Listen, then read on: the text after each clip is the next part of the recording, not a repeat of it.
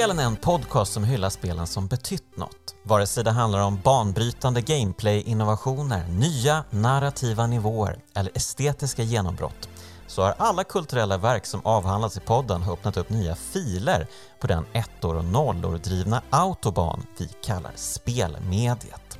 Jag heter Jonas Högberg och idag välkomnar jag Angelica Norgren till podden. Hej Angelica! Tjena! Hur är läget? Äntligen! Eh, nej men det är jättebra, det är toppen. Mm. Eh, ja, du säger äntligen. Du har, du har liksom knackat på dörren länge känner du. Ja, nej men alltså, vi har pratat om att vi ska få till den här inspelningen och sen har det liksom varit tusen saker i vägen. Eh, Mm. Och jag har, jag har typ hunnit föda ett barn och eh, vara mammaledig och eh, börja jobba igen och eh, jonglera livet. Mm. Och någonstans där i så lyckades vi dessutom enas om ett spel att prata om, för det var inte självklart heller. Det känns som att jag har om jag har ganska många spel som jag säger, men fan det här, det här är mitt kraftspel. Ehm, och det var också så, för Ja. de första jag tänkte på, det värsta var att de första jag tänkte på, de hade ju någon annan redan snott liksom. Mm, Ehm, men jag, jag känner ändå att jag har landat i ett gott val som kommer att ge oss en, en härlig timme typ av Mm. eh, bra spelsnack. Ja, men vi kan ju börja med att prata lite om dig då. Ifall det är någon på planeten jorden, eh, framförallt Sverige då kanske, som inte har koll på dig. Ehm, du är ju ändå uh, P3 Spel, liksom eh, den stora ansiktet utåt för P3 Spel det senaste decenniet. Liksom. Eh, men jag tror att vi möttes första gången hemma hos Tommy Rydling under något brädspelsstök. Ja, vet du vad, för vi spelade Puerto Rico tillsammans tror jag. Så var det, just det. Ja, men du det- och jag, Tommy och eh, Martinsson. Mm, just det. Mm, Ja, vi men hade det en var liten brädspelscrew och spelade lite. Ja, och det här måste ju vara Precis. 2007 Ja, sju kanske? vill jag säga. Ja, precis. Och det här var ju på Superplay-tiden och eh, du, du förevigade ju dig själv i Superplay under ett Xbox-event där du klämde på Master Chiefs rumpa. Åh, just det! Ja, det var eh, Thomas som fotade det och la upp, ja. Mm. ja.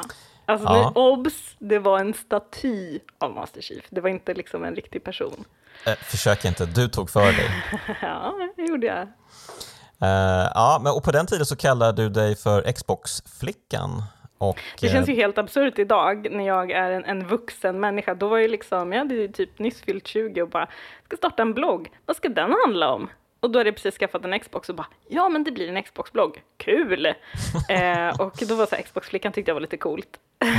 och så var, det har liksom hängt med i all evighet. Jag tror att jag så nickar fortfarande Xbox-flickan på vissa ställen där man inte kan byta nick. Typ så här, Ah, min, här, okej. mitt handle på typ Epic Store eller något. Eh, nej, Känns det Steam, pinsamt jag. eller känns det Men förlegat? lite. Ja, men jag känner mig lite för gammal för att, att vara det nu. Jag är liksom 36. Mm. Inte så mycket flicka här. Det känns också så här, ehm, någon feministisk tanke om att, om att in, infantilisera kvinnor genom att kalla dem flickor. Du vet, eh, En hel analys där som så här, idag hade jag inte valt ett sånt bloggnamn om jag hade drivit en blogg, which I don't. Eh, Men alltså bloggen var ju jättefin, och, eh, men sen dess har det ju hänt jättemycket. Du eh, liksom hamnade ju på P3 Spel sen eh, i början på 10-talet kanske, var det så? Mm, 2011. 2011. Hur gick det till? Ehm, jag hade poddat eh, tidigare. Vi hade en podd som hette Gone Gaming, ett gäng eh, tjejer som eh, hade spelbloggar då. Då hade vi en podd som hette Gone Gaming, så där liksom testade vingarna lite.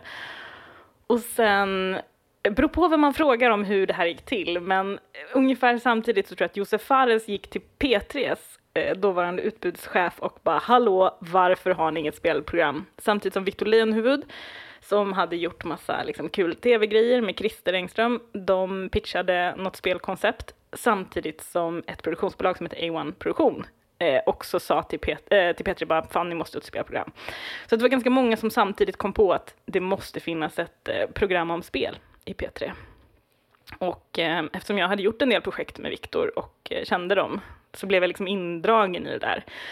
Och jag tror dels så hade jag liksom gjort lite podd förut och de bara, fan det här låter ju ganska bra. Mm. Och jag tror att man liksom eh, ville gärna ha en tjej som frontade programmet för att det inte skulle kännas snubbigt. och där var jag. Och, och det blev du. bra. Ja, ja, men absolut, du var ju kvar i nästan ett decennium. Um, mm. Och alltså, alltså vad, vad, känner du när du ser tillbaka på tiden där? Vad, vad, liksom, vad är du mest stolt över? Jag är ju mest stolt över det konceptet som vi introducerade lite de senare åren mm. när vi började göra dokumentärer. Mm. För det tyckte jag var ett otroligt roligt sätt att använda radiomediet. Eh, att göra ja, men, djupdyk i berättelser mm. och eh, liksom berätta dem på ett väldigt spännande sätt och sen jobba med ljudläggning och klippning. Mm. Eh, så då gjorde man kanske ja, men dokumentärer som var kanske en halvtimme långa som handlade om en enda historia från spelvärlden som mm. på något sätt liksom var kanske mer än bara en kul eller spännande grej eller en historia. Liksom, det behövde inte vara en så här historisk grej utan det skulle vara en story. Mm. Um, och det, det, tyckte jag var så himla kul och framförallt så kände jag så att det här har ingen annan gjort på det här sättet i Sverige. Eh, eller knappt internationellt heller. Mm. Ja, men det blev ju, det blev ju verkligen kanonbra. Um, det var ju, man, man, man lyssnade ju varje vecka um, när det väl mm. var veckovis och så. Ja, för då tror jag att vi, jag undrar om vi inte släppte en dokumentär varannan vecka ett tag. Varannan då var vi liksom på rotation så att man gjorde typ någon i månaden. Mm. Eh, eller varannan månad till och med, för man jobbade liksom i flera veckor med de där dokumentärerna. Eh, mm. och då, så de historierna som vi tog upp, första piloten som vi gjorde, den handlar om den här Corrupted Blood Plague i World of Warcraft, när det Just spreds.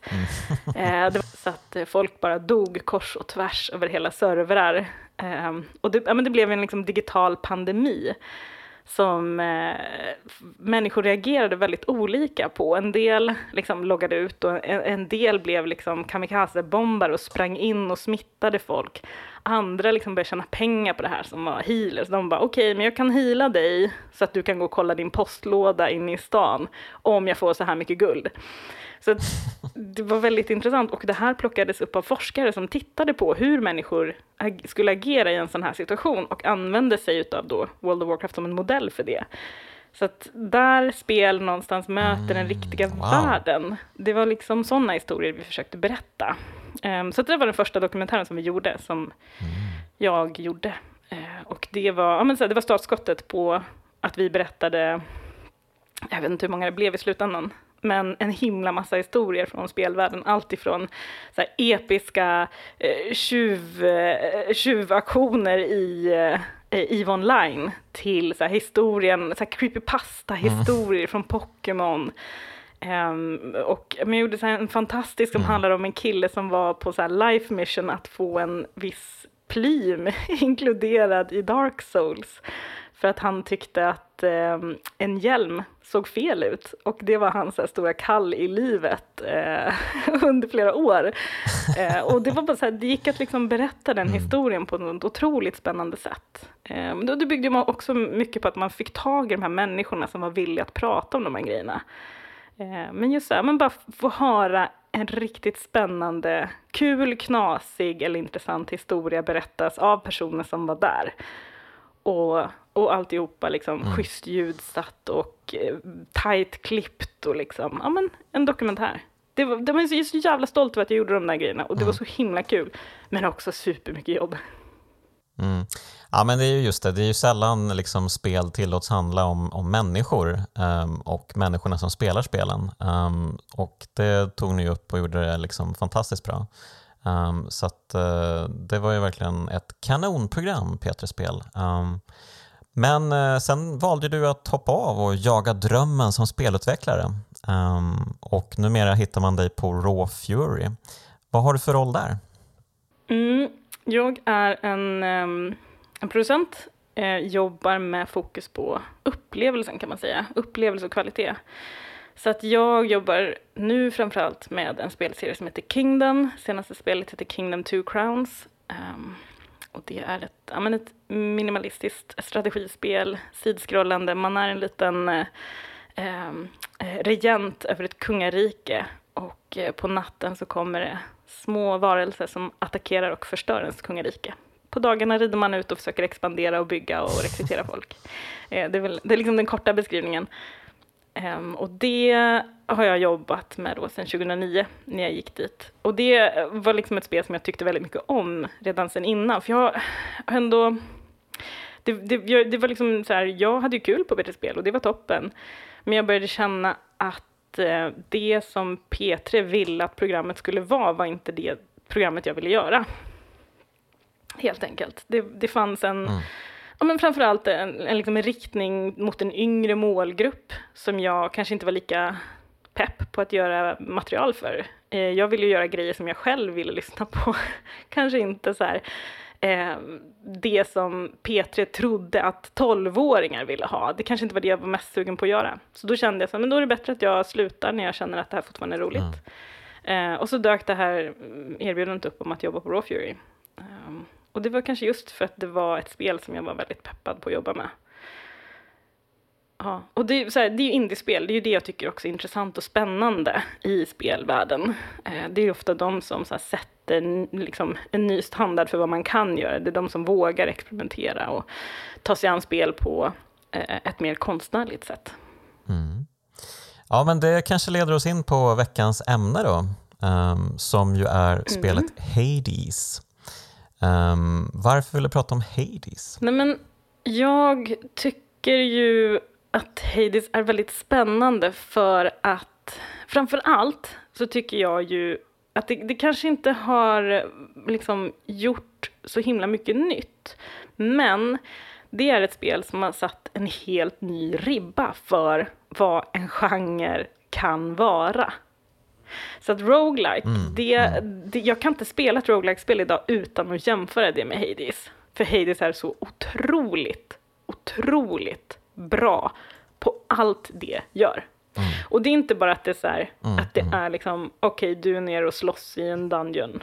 Utan det är också ett spel som väver in ett narrativ på ett, eh, ett väldigt belönande sätt. Eh, och det är ur ett, så här, ett, ur ett spelutvecklarperspektiv så är det också superintressant hur de olika spelmekanikerna och spelsystemen eh, vävs in i varandra, verkligen fidar in i varandra mm. och eh, mm. fyller en funktion i hela tiden i olika delar av spelupplevelsen.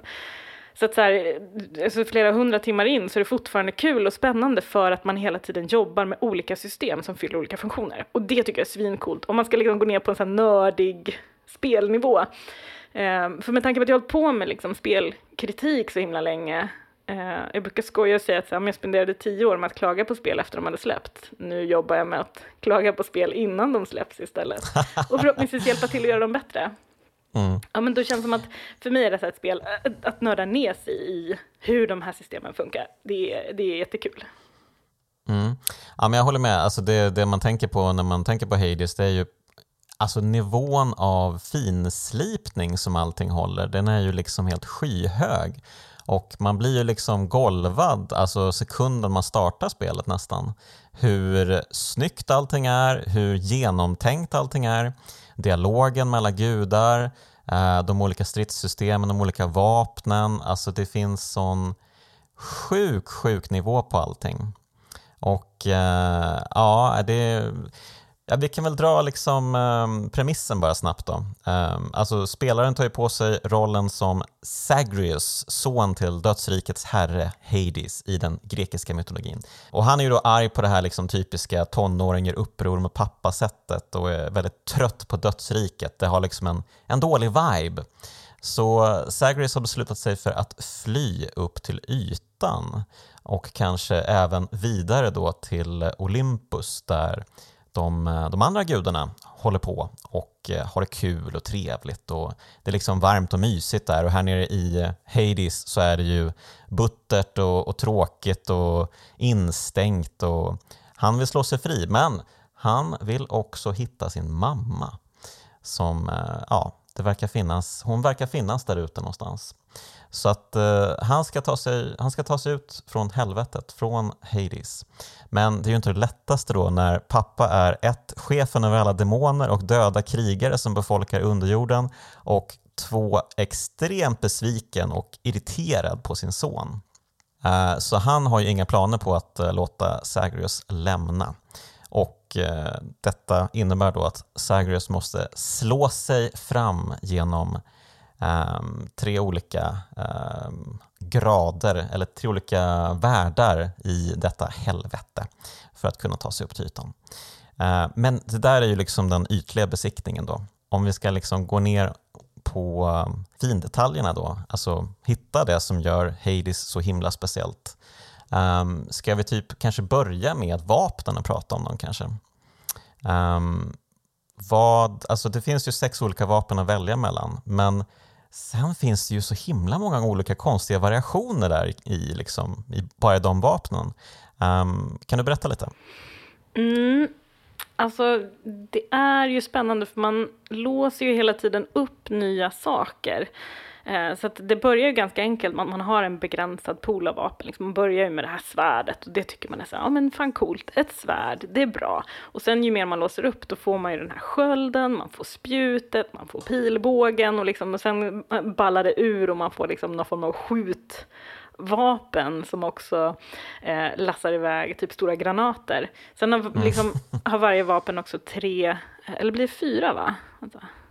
Mm, jag tror det är fyra ja, exakt. olika. Man, man, kan liksom låsa upp olika varianter på dem och då kan de förändras ganska mycket. Eh, jag höll mm. på, alltså det jag gjort nu inför den här podden för att liksom fräscha upp minnet. Eh, jag spelar ju ändå Hades ganska ofta. Eh, det var mm. inte jättelänge sedan jag spelade, när jag kom på Game Pass på Xbox så körde jag igenom en del.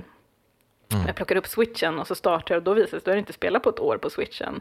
Eh, men jag hade ändå vet, 140 runs typ. och då gick jag in där. Och min, ja, men jag, jag har ju kört mycket eh, mm. ändå, tycker jag.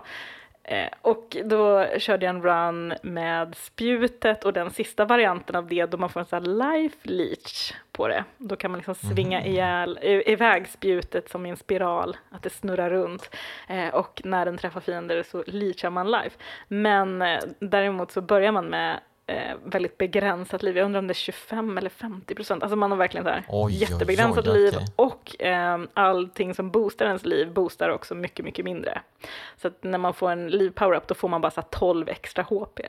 Eh, så det, det, är liksom, det är en utmaning i sig, men det, också, det blir ett väldigt annorlunda sätt att spela på. Så att varje, mm. liksom, varje vapen är väldigt unikt och varje vapen går också att spela på väldigt många olika sätt. Så bara där har man ju en otrolig variation. Mm. Och sen det som verkligen gör att ingen run blir den andra lik. Eh, nej, vet du vad, jag ska säga en sak till som är så jävla bra med de här vapnen, som jag tycker är så okay. sjukt smart. Det är att varje run så är det ett vapen som har en sån här bonuseffekt. Eh, och då får man, jag tror att det är 20% extra darkness och kanske till och med extra gems. Ah, två utav valutorna i spelet som man så här, väljer man det vapnet, ja men då får man lite extra göttiga rewards ifrån den runnen. Mm, och där mm, ger man ju mm. spelarna helt plötsligt en, eh, liksom en motivation till att inte bli bekväm i bara ett vapen. Man kan mm. absolut mm. göra det. Man kan vara så här, nej men jag är en pilbåge kinda girl, liksom. det är det jag kör. Mm. uh, men jag är också, jag är, det är mina småländska gener som kommer fram och bara, oh, det här var en bra deal, nu får jag extra bonus på köpet liksom. Så då bara, ja. nej men jag väljer nästan, nästan alltid det vapnet som har bonuseffekten på sig. Och det är nytt mm. varje gång, så då blir det att jag kör en, liksom, en väldigt hälsosam rotation av alla vapen. Så jag, så här, jag är ganska bra på, på, på alla vapen faktiskt, för att jag har verkligen roterat dem. Och just den mm. där lilla, lilla knuffen till att göra det, annars hade jag säkert hittat mina favoriter och liksom hållit mig till dem. Men jag blir väldigt ofta så att även om jag inte älskar ett vapen, tar jag det, fan, ibland blir det liksom en riktig jävla pangrunda ändå. Och mm. det är väldigt härligt. Um, så där är så här, den lilla pushen som spelet ger en att verkligen variera sina vapenval mm. uppskattar jag jättemycket. Ja, och det är ju, det är ju ganska vanligt att eh, i början av eh, ens tid med Hades att man, att man tvingas, eller tvingas, eller att man uppmanas då att välja de här liksom vapnen med eh, man får väl extra den här valutan som man behöver sen för att använda spegeln och eh, levela upp sina förmågor um, som man har med sig då. Um, för att jag menar, det är ju det är en roguelike, eller det är en roguelite, ska man väl mm, säga. Om man ska vara helt korrekt, ja precis. Det ja, om man ska vara petig här så är det ju inte en, man, man förlorar ju inte allt Nej. utan man, man bibehåller ju vissa effekter och så och vissa liksom förmågor. Um, och på så sätt så blir ju spelet uh, lite lättare och uh, man själv lär sig allting lite enklare också. Uh, men de här liksom, när man väl har levlat klart spegeln där, har man fortfarande något incitament att uh, välja de här vapnen då? Det, eh, ja, nej, alltså inte jättemycket. Men, men jag är tillräckligt bara gammal vana för att jag inte så här, äh, jag vet inte vad jag ska välja, då tar jag det som är highlightat för det blir kul. Eh, det man kan göra, man kan ju köpa saker för de här valutorna ändå, man kan liksom byta de olika valutorna mot andra saker. Och i slutändan så finns det ju ändå eh, de här Titan Blood som man använder för att låsa upp och förstärka förmågorna på de olika vapnen, de olika varianterna. Mm. Så att, mm. Eh, men det krävs ju ganska mycket av de här grundvalutorna för att göra det. Men ehm, så absolut, det finns ju en användning för dem. Eh, men ja. ju, nu är det mycket så att jag bara samlar på mig på hög. Så är det absolut. Okej, okay, ja, men 140 rundor, herregud, det är jag inte i närheten av. Um, men uh, ja, ja, okej, okay, men uh, okay, så att man, man blir lite bättre och bättre gradvis på de här häftiga vapnen och uh, jag, precis, jag har svårt att välja ett vapen som jag liksom är mitt favoritvapen. jag kanske inte är superförtjust i pilbågen måste jag säga. Oh, men nej, det är, jag gillar pilbågen. Jag tycker den är ah. Okay. Också Självklart handskarna är kul. De är Handskarna är kul, absolut, det håller jag med om. Um, uh, och det här konstiga Adamant Rail, alltså det här skjutvapnet, mm. uh, det är ganska kul också Nej. tycker jag. Nej, den är, uh, det är inte kul. tror jag. Jaha, okej, okay, Okay. Alltså, men uh, skölden hade jag förvånansvärt kul med häromdagen också när jag körde en run. Den var rolig, det blev bra. Den, den har en specialförmåga när den liksom så här, whoosh, skjuter fram. Ja, det är kul. Ja, men, så, men verkligen så här, alla vapen funkar. Det, mm. det är verkligen toppen. Men okej, okay, men så man väljer sitt vapen och sen när man då ger sig ut på sitt äventyr då um, så får man ju uh, belöningar hela tiden när man klarar um, ett rum så dyker det ofta upp uh, så här boons från gudarna, från Olympens gudar. Eh, för de vill ju hjälpa Zagreus att eh, fly under jorden. De tycker att det verkar vara en toppenidé. De har inget emot att stöta sig lite med Hades. Det här låter ju svinbra. Kom igen, äntligen lite action i gudarnas rike. Liksom. Eh, så att de skänker gärna lite härliga belöningar till Sagrius Zagreus då, som får effekt på vapnen, som får effekt på Ehm, ja, men allt egentligen eh, på olika sätt och eh, det, det, korresponderar ju lite till gudarnas egna liksom, eh, ehm, de områden som de basar över så att säga. Um, så Hermes uh, ger väl någon sorts uh, speed-effekter på de olika grejerna antar jag. Mm. Och Zeus langar liksom åskblixtar, Dionysus mm. bjuder på fylla, eh, Afrodite liksom flörtar och charmar fienderna eh, och ah, sådär. Så att, ja, det är verkligen eh, te tematiska gudagåvor som de bjuder på. Eh, mm. Och sen något som är väldigt spännande som när man liksom låser upp och fyller i sin, eh, sitt lilla kodex med alla de här förmågorna, att man inser att man kan eh, kombinera dem.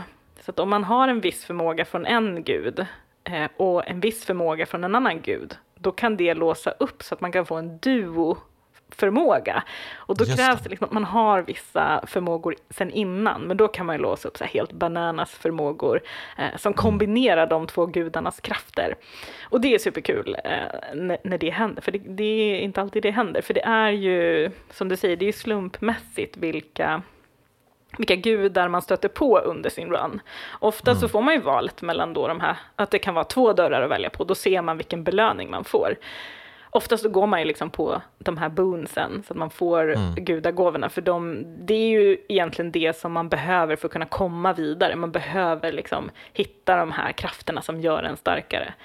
Mm. Men det är ju, jag tycker att det är väldigt smart att det är liksom, det är random vilka gudagåvor som dyker upp. Sen fin, finns det vissa saker som påverkar. Men, men det är mest random, men sen när man då plockar upp den, då får man, då får man ändå välja på tre olika. Sen slumpas de tre fram. Lite senare i spelet så kan man låsa upp så att man kan rulla om slumpen och få tre nya att välja på. Men just att man, eh, så här, man blandar slumpen med att ge spelarna liksom lagom mycket makt.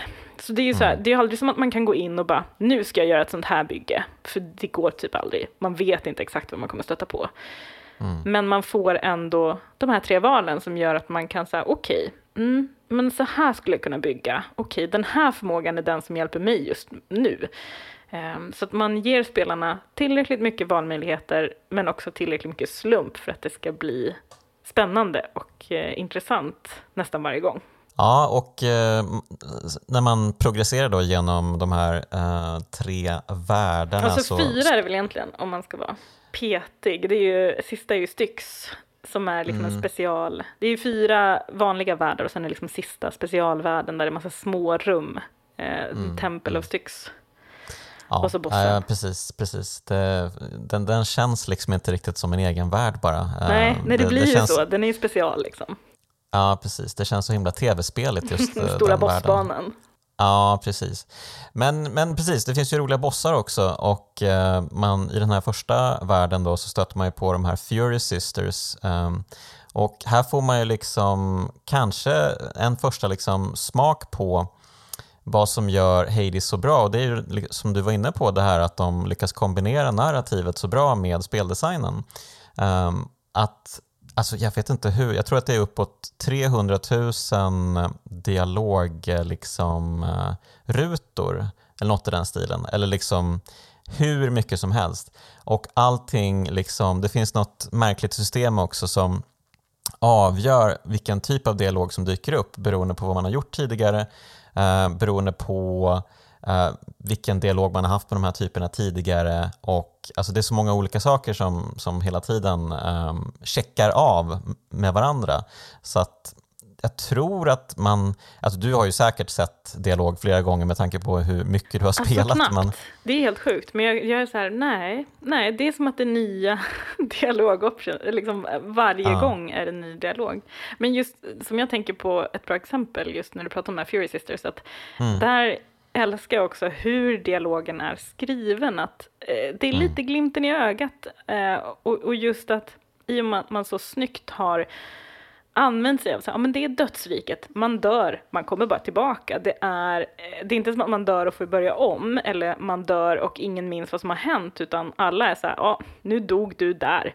Eh, och, och så varje gång man liksom kommer dit, sen så här, hon, hon minns förra gången man möttes. Ehm, det är väldigt snyggt invävt och då blir det också att man kan bygga vidare på de här dialogerna. Så, eh, men jag tycker att det är roligt där, för där blir det ju att eh, Zagreus till slut liksom så här, åh, jag undrar vilken Fury Sister det blir den här gången. Eh, hoppas det inte blir Meg. Eh, att han liksom driver nästan med själva roguelike konceptet ja, just det. Eh, och det tycker jag är väldigt, det är väldigt charmigt och roligt att man gör det. Att man bara så här, liksom så här, ja, jag vet vad du tänker kära spelare. Eh, här säger Mm. Zagreus exakt samma sak. Ja, ja, men precis. Det är självmedvetet utan att liksom bryta fjärde väggen. Det blir liksom, vi är typ in on the joke, men inte på ett sånt flagrant sätt att det blir så här um, att man bryter illusionen och um, då, ja, men då hade det nog blivit väldigt cheesy och konstigt tror jag. Men, men som det är liksom uppbyggt nu så är det nästan helt perfekt. Alltså. Det, det är otroligt smart och eh, snyggt skrivet.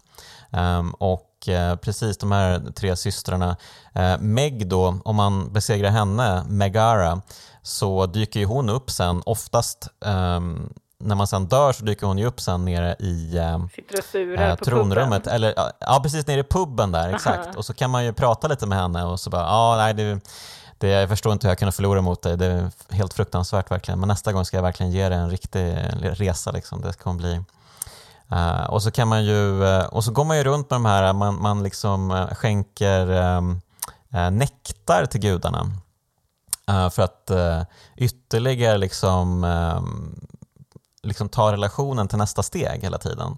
Ehm, och det är ju superintressant. Det, liksom de här historierna byggs ut eh, och jag menar, det, de, ofta så är de ju inte så här jättestora eller liksom helt fantastiska men det, det, det sker så gradvis och så elegant hela tiden att eh, man ändå känner att oj, jag är verkligen med om något storslaget här.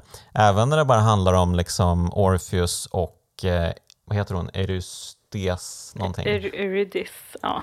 Eurydice, precis, deras eh, kärlekshistoria där, hur man ska lyckas eh, återförena dem.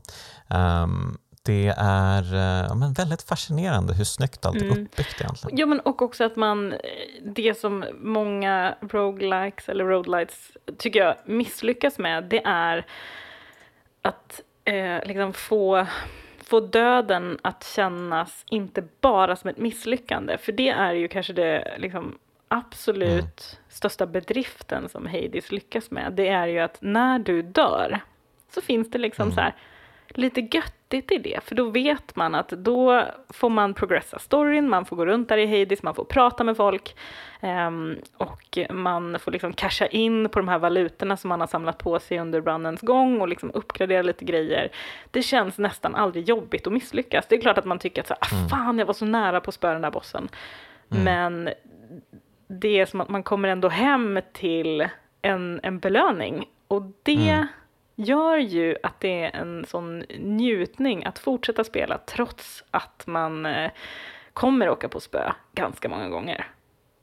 Precis, ja, det, är, det är ju en grind på så sätt. Liksom. Det, man ska bli starkare och starkare och lära sig mer och mer av spelet. Men precis, varje gång man eh, dör, eh, fångas av floden Styx och sen så kommer man upp i det här blodhavet nere i tronrummet um, så känner man sig bara liksom pigg och levande på något mm. sätt. Ja, nu är jag tillbaka, nu är jag redo för nästa upptåg. Eller hur, man bara så nu är det en ny run och det mm. känns toppen.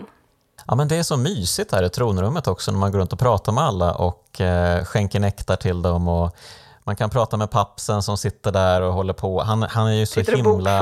Det är, sitter och han är, ja, sitter och bokför. Det är verkligen ordning och reda på den här killen. Och det finns ett roligt... Eh, ibland så kan man ju gå och eh, lägga sig och sova också. Och då får man ju se så här eh, olika ehm, sekvenser där typ eh, dels någon gång är han uppe mitt i natten och undersöker liksom när det är mörkt.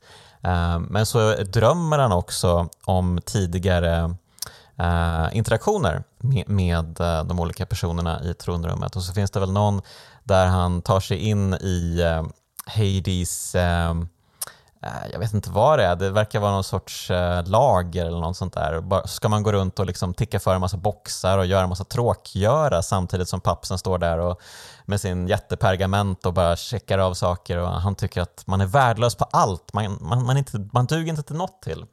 Um, och eh, det, det liksom syftar ju också till att verkligen vilja slå sig fri från honom. Liksom. Han har sånt inflytande på Zagreus och hans liv och uh, han vägrar släppa taget. Liksom. Men, och han är ju liksom antagonisten. Han är ju mm. en riktig jävla surgubbe som bara sätter käppar i hjulet för Zagreus och låter inte honom lämna dödsriket eh, och bara tycker att han är en dålig och misslyckad son. Mm. Eh, och, och det, är spännande, det, det, är ju spännande att följa den karaktärsutvecklingen som sker under spelets gång. Ja men precis, men, uh, vi kan väl prata lite om det. Um, för det, det är ju verkligen en av de mest fascinerande sakerna, just narrativet och hur det utvecklas. Det finns ju så många det finns så många slut i det här spelet. Jag har ju verkligen inte sett alla, men jag har ju varit inne på Youtube och eh, fuskat lite ja, och kikat på några. Det är väl så att liksom, man kommer till Hades och spöar honom en första gång. Sen tror jag väl att det är tio, är det tio gånger man behöver spöa honom för att få de riktiga eftertexterna. Ja, precis. Tio gånger. Det, det är ganska brutalt för det blir ju väldigt svårt de senare liksom, nivåerna där.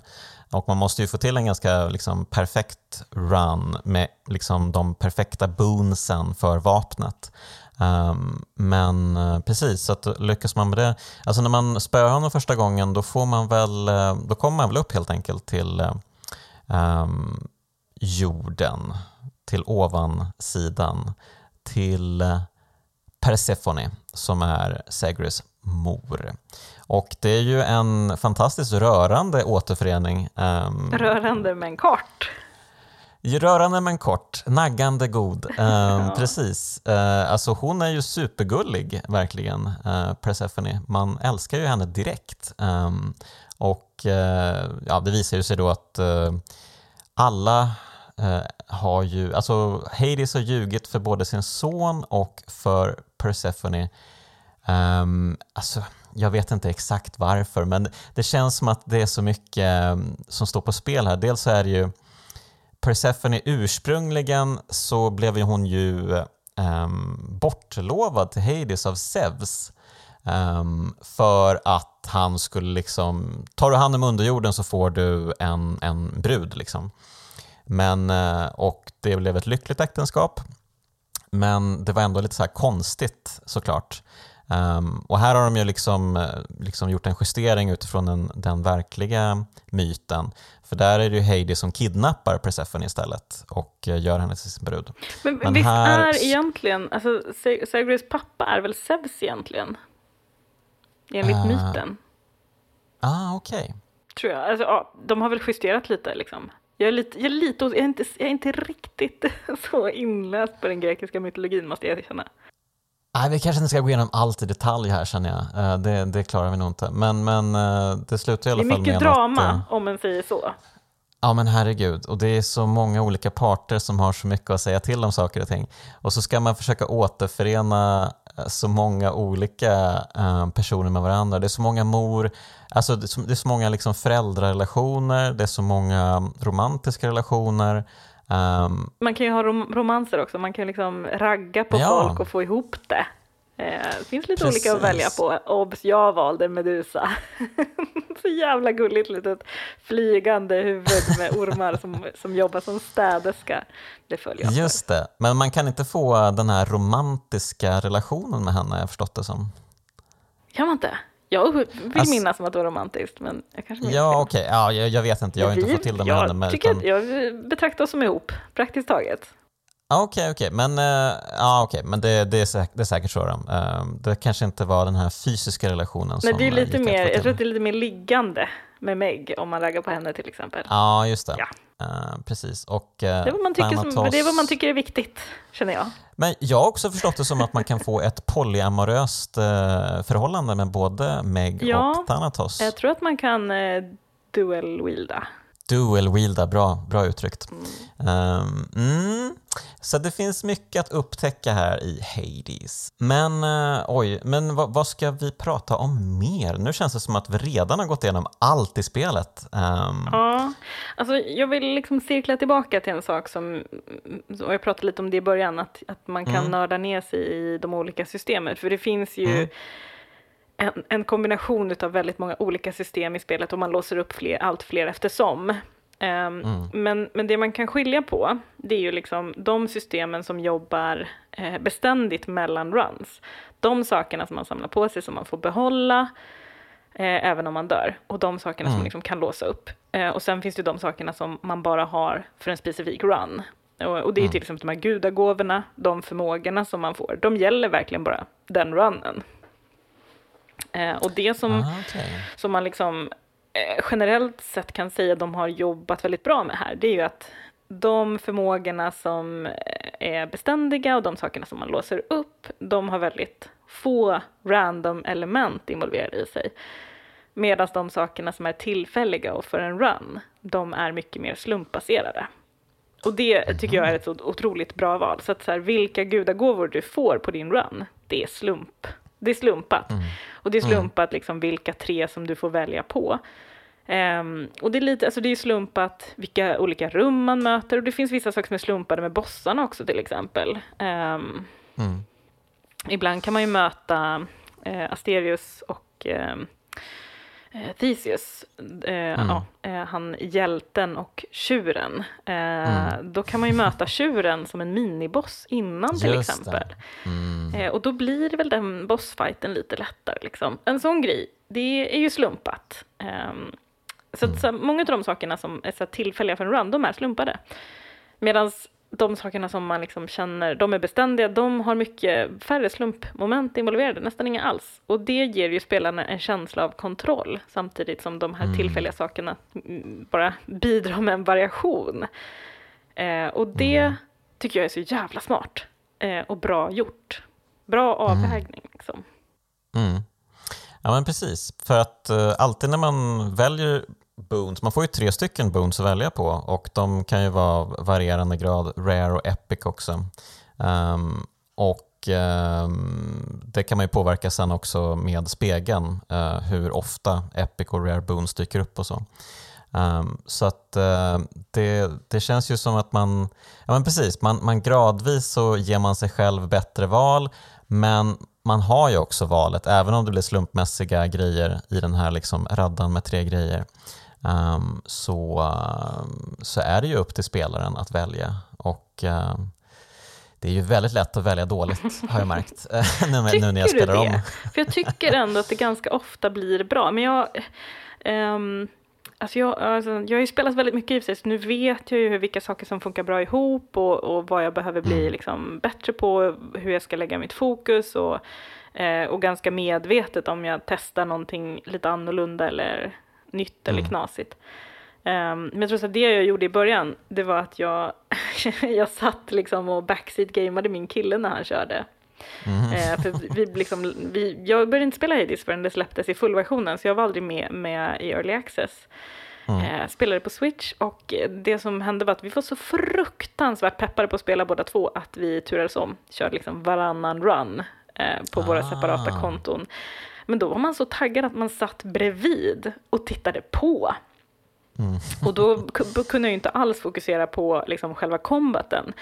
Men jag kunde sitta och coacha och eh, mm. verkligen så analysera eh, liksom min killes spelstil utifrån de förmågorna som har valts och prata, liksom resonera fram om så här, vad är det lämpliga valet i den här stunden. Eh, och, och, det liksom analyserandet tror jag också gav mig en så bra grund att stå på. För, för, när jag själv ska välja, då har jag liksom eh, hunnit tänkt så himla mycket på den där runnen som jag bara fick titta på. Mm. Okej, okay, men du som har svaren då, vad, vad eh, rent generellt, vad är viktigast eh, tycker du att välja? Liksom? Är det liksom fart, är det styrka? Styrka? Är det tålighet? Alltså, självklart vill man ju ha en mm. kombination av allting, men... Um... Det finns ju lite tumregler som jag skulle liksom ändå mm. säga att man kan jobba med. När man ska välja rum, då är det nästan alltid mest värt att ta en boon. Mm. Och eh, om man står inför valet att ta en så här, eh, vad fan heter det? Heter det Challenge of the Gods eller något sånt där. Ja, just det, eh, och då är det mm. två boons, men det är också en jobbig, jobbig fight. Eh, men just det är det. nästan alltid värt. Så att så här, boons är huvudfokus. Eh, mm. Förutom om det kommer en hammare. Daedalus-hammaren, den ska man ju alltid, alltid, alltid ta.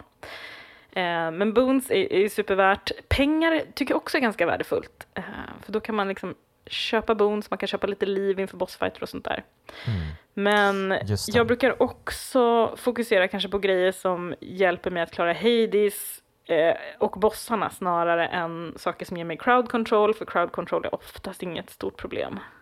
Mm. Um, så att säga, jag har lite saker som jag tänker på. Sen så om jag, jag tycker att typ de flesta gudarna har roliga gåvor. Um, mm. Inte superduper fan av Dionysos. Jag tycker att eh, Mm. Eh, damage over time-grejer som hans hangover-effekter är. Eh, ja, de, ja. Jag tycker att det, jag vill att det ska gå fortare. att, och också Doom som är en så fördröjd skada eh, som Ares har, den är inte aspepp på heller. Däremot har Ares väldigt bra så här, eh, sågklingor som snurrar på marken, de är ju riktigt jävla bra. Just det. Mm. Eh, har du några favoriter eller saker du inte gillar? Ja, nej men jag dras väl till de här liksom Säves blixtar oftast och eh, liksom Hermes olika... Det är väl Hermes som har med dash-upgradesen som gör att man kan skada folk med dashes och sånt. Mm, um, alltså, eller det är kanske Hermes, flera som ja, har... Alla har ju, alla gudarna i princip har ju någon boon som påverkar dash. Eh, mm. Och någon, liksom ja. någon som påverkar cast, någon som påverkar specialattacken och någon som mm, mm, påverkar den vanliga mm. attacken.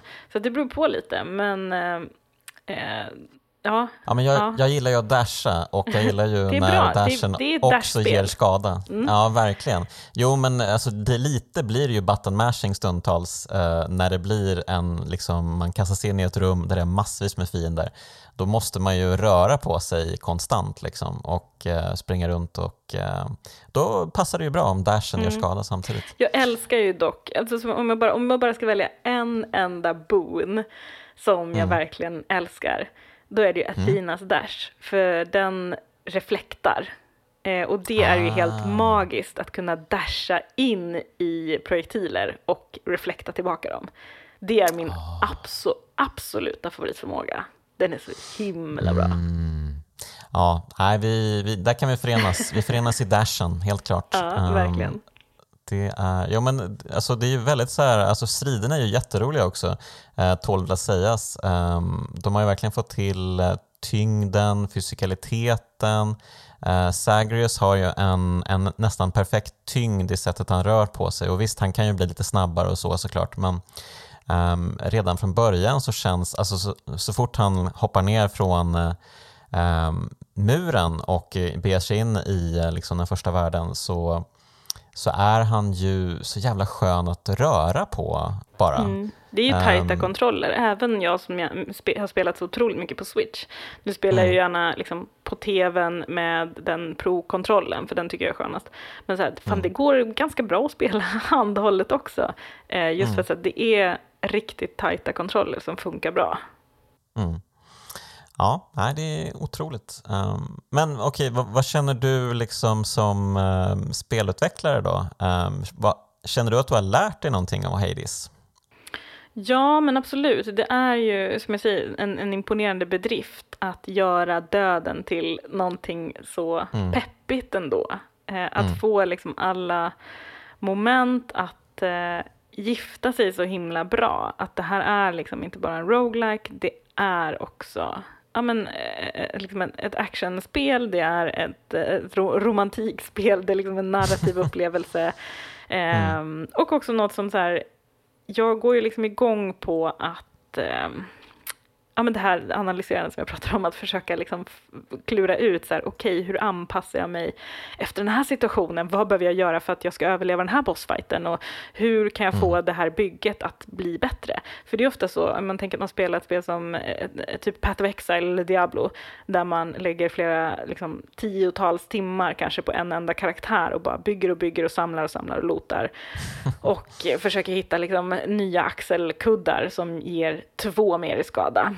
Eh, det är ju liksom, det är inte så kul, tycker inte jag, utan jag tycker Nej. det är själva liksom uppstarten, när det händer ganska mycket i karaktärsutvecklingen, eh, eller liksom karaktärsbyggandet, som är roligt. Och det är därför det är så himla perfekt med Hades, för att en run är ju aldrig mer än en timme typ. Mm. Lite mer kan det vara. Men, men typ en timme brukar jag klocka en run på. Och eh, då hinner jag liksom aldrig tröttna på det bygget jag har gjort. Eh, och mm. det är ju svincoolt att komma till Hades och bara verkligen bara smälta bort hans livmätare för att man har ett sånt sinnessjukt starkt bygge. Men då är man också klar. Då är runnen slut och så börjar man om på noll ja. nästa gång. För, för därefter så hade det liksom, hade det fortsatt, då hade det blivit supertråkigt att bara så här dominera sig igenom det. Um, mm. Så jag tycker att det är också någon perfekt längd på de här runsen, att jag hinner aldrig tröttna på mina byggen och det är alltid spännande att se så här, okej, okay, vad gör jag nu? Vilket vapen blir det? Vilka boons ska det bli? Kul! Mm. um, så det tycker jag, just den här loopen är så välgjord uh, och alltid underhållande nästan. Det är väldigt sällan jag känner så här, fan vilket pissbygge, det här går inte. Utan så här, ganska ofta så går det ganska bra. Uh, kanske inte hela vägen, men, men en bra bit i alla fall. Um, och det, det, finns en grej till som jag skulle vilja prata om. Uh, ja. Och det är att det här känns som ett uh, roguelike-spel för folk som kanske inte gillar roguelikes normalt sett. Mm, mm. Och det imponerar mig, på mig. Um, just att, alltså jag fattar, så här, gillar man inte roguelikes, det är klart att man kanske inte älskar Hades, men det är ändå eh, det mest sannolika att man tycker hyfsat om i alla fall. Just mm. för att man har gjort att döden inte känns som ett sånt stort nederlag. Men också att man har gjort svårighetsgraden ganska anpassningsbar på många sätt. Eh, det är absolut ett svårt spel som första runsen man kör. Jag tror att jag kanske körde kanske nästan 50 runs innan jag klarade det. Eh, innan jag mm. lyckades spöa Hades första gången. Eh, och sen så här, efter det, då kanske man klarar varannan ungefär typ, skulle, mm. jag, skulle jag tippa på. Mm. Uh, jag tror att min, min bästa streak var väl att jag klarade kanske tio på raken. Um, men, men så, det, det går liksom, när, man väl börjar, när det väl lossnar, då lossnar det lite.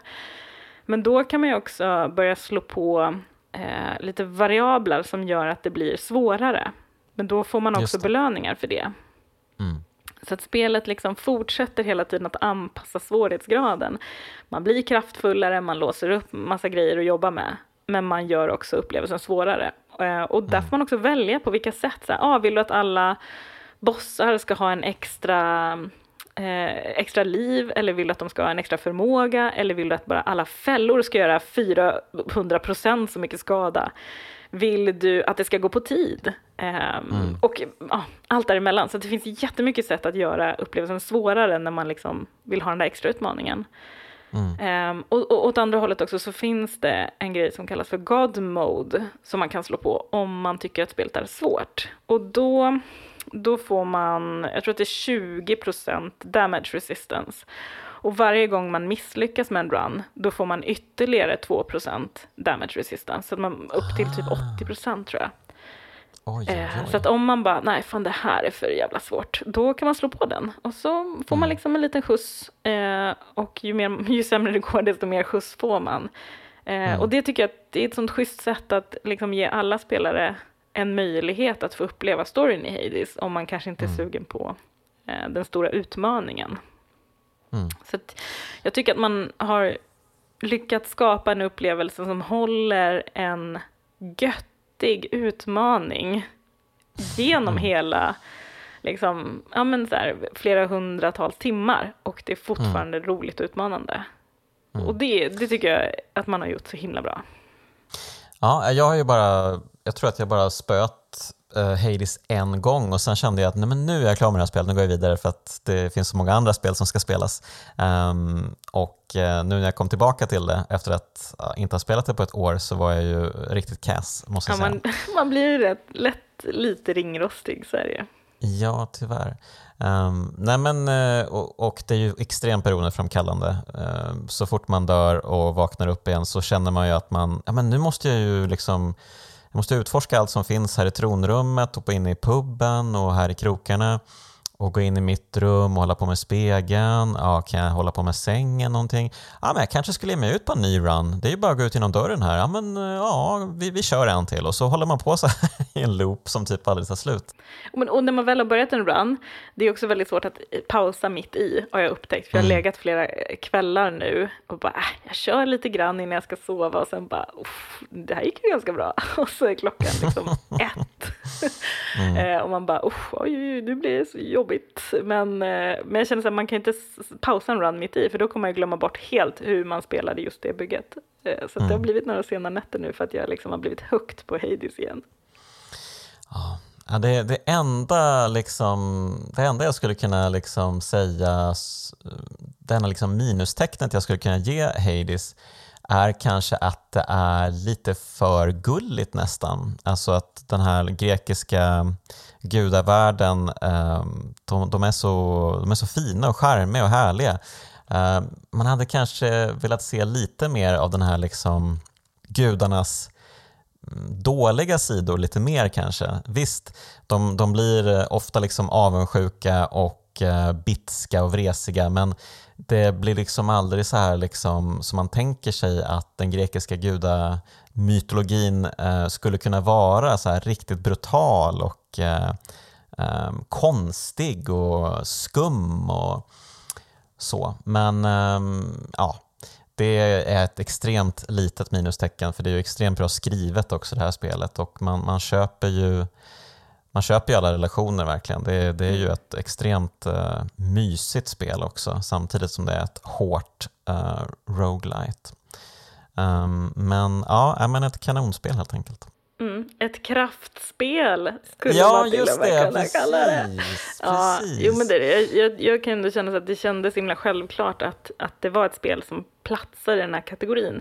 Trots att det inte gör så mycket nytt. Um, men just bedriften att gifta alla de här elementen i ett enda spel och göra det på ett sånt otroligt polerat sätt mm. um, är ju något som man väldigt sällan upplever i spel. Um, mm. Så att, ja. Mm. Ja, um, jag, jag, ska nog inte be dig återupprepa varför det är ett kraftspel, för jag tycker att du, du, har, eh, du, har, lyckats, um, du har lyckats säga det. Um, men uh, toppen, tack för att ja. du var med i Kraftspelen Angelica. Tack för att jag fick vara med och uh, tack för att du fick mig plocka upp Hades igen. Uh, ja. det, är ju, det är ju en god resa att göra. Mm. jag skulle vilja, två liksom små grejer som jag skulle vilja ta upp innan vi, okay. innan vi lägger på. Eh, en shout-out till Darren Korb som gör musiken som också är otroligt bra. Mm. Eh, jag har lyssnat Mm. hur mycket som helst på Bastion-soundtracket. Mm. Eh, och tycker att han är fantastisk. Han har gjort liksom ett, ett, ehm, eh, liksom ett hårdrock eh, metal soundtrack till Hades som känns väldigt otippat men Ja, också är väldigt, ja. väldigt bra. Och om man är sugen på att veta mer om Hades och vill liksom kika bakom kulisserna eh, liksom, ta en besökstur i korvfabriken och se hur den här korven har blivit till. Så finns det en Mm. svingöttig dokumentär på Youtube eh, eh, ifrån Noclip som heter Developing Hell där de har följt eh, utvecklingsteamet, det här, det här eh, lilla indie-teamet eh, under i princip hela processen eh, som dels ägde rum under liksom, pandemin, eh, i början på pandemin. Och Mm. eh, det är ett väldigt intressant eh, liksom in, en inblick i hur det här spelet har blivit till och hur de har resonerat och hur de har jobbat och, och vad och varför. Så att om man vill veta mer om Hades så tycker jag att den här Noclip-dokumentären är eh, riktigt sevärd. Och eh, vill man höra mer av Angelica så kan man ju lyssna på Speljuntan, hennes podd som hon gör med det gamla P3 P3 Spelgänget. Exakt. Ja, en liten plagg får man väl ändå ge. Ja, det, det uppskattar vi. Nu har du varit snäll nog att gästa och eh, ja men eh, tack så mycket Angelica och tack så mycket du som lyssnar. Eh, ett stort tack till de finfina pojkarna i Bitpopbandet 047 som gör musiken till Kraftspelen. Ehm, och ja, ha det så fint allihopa så hörs vi igen nästa vecka.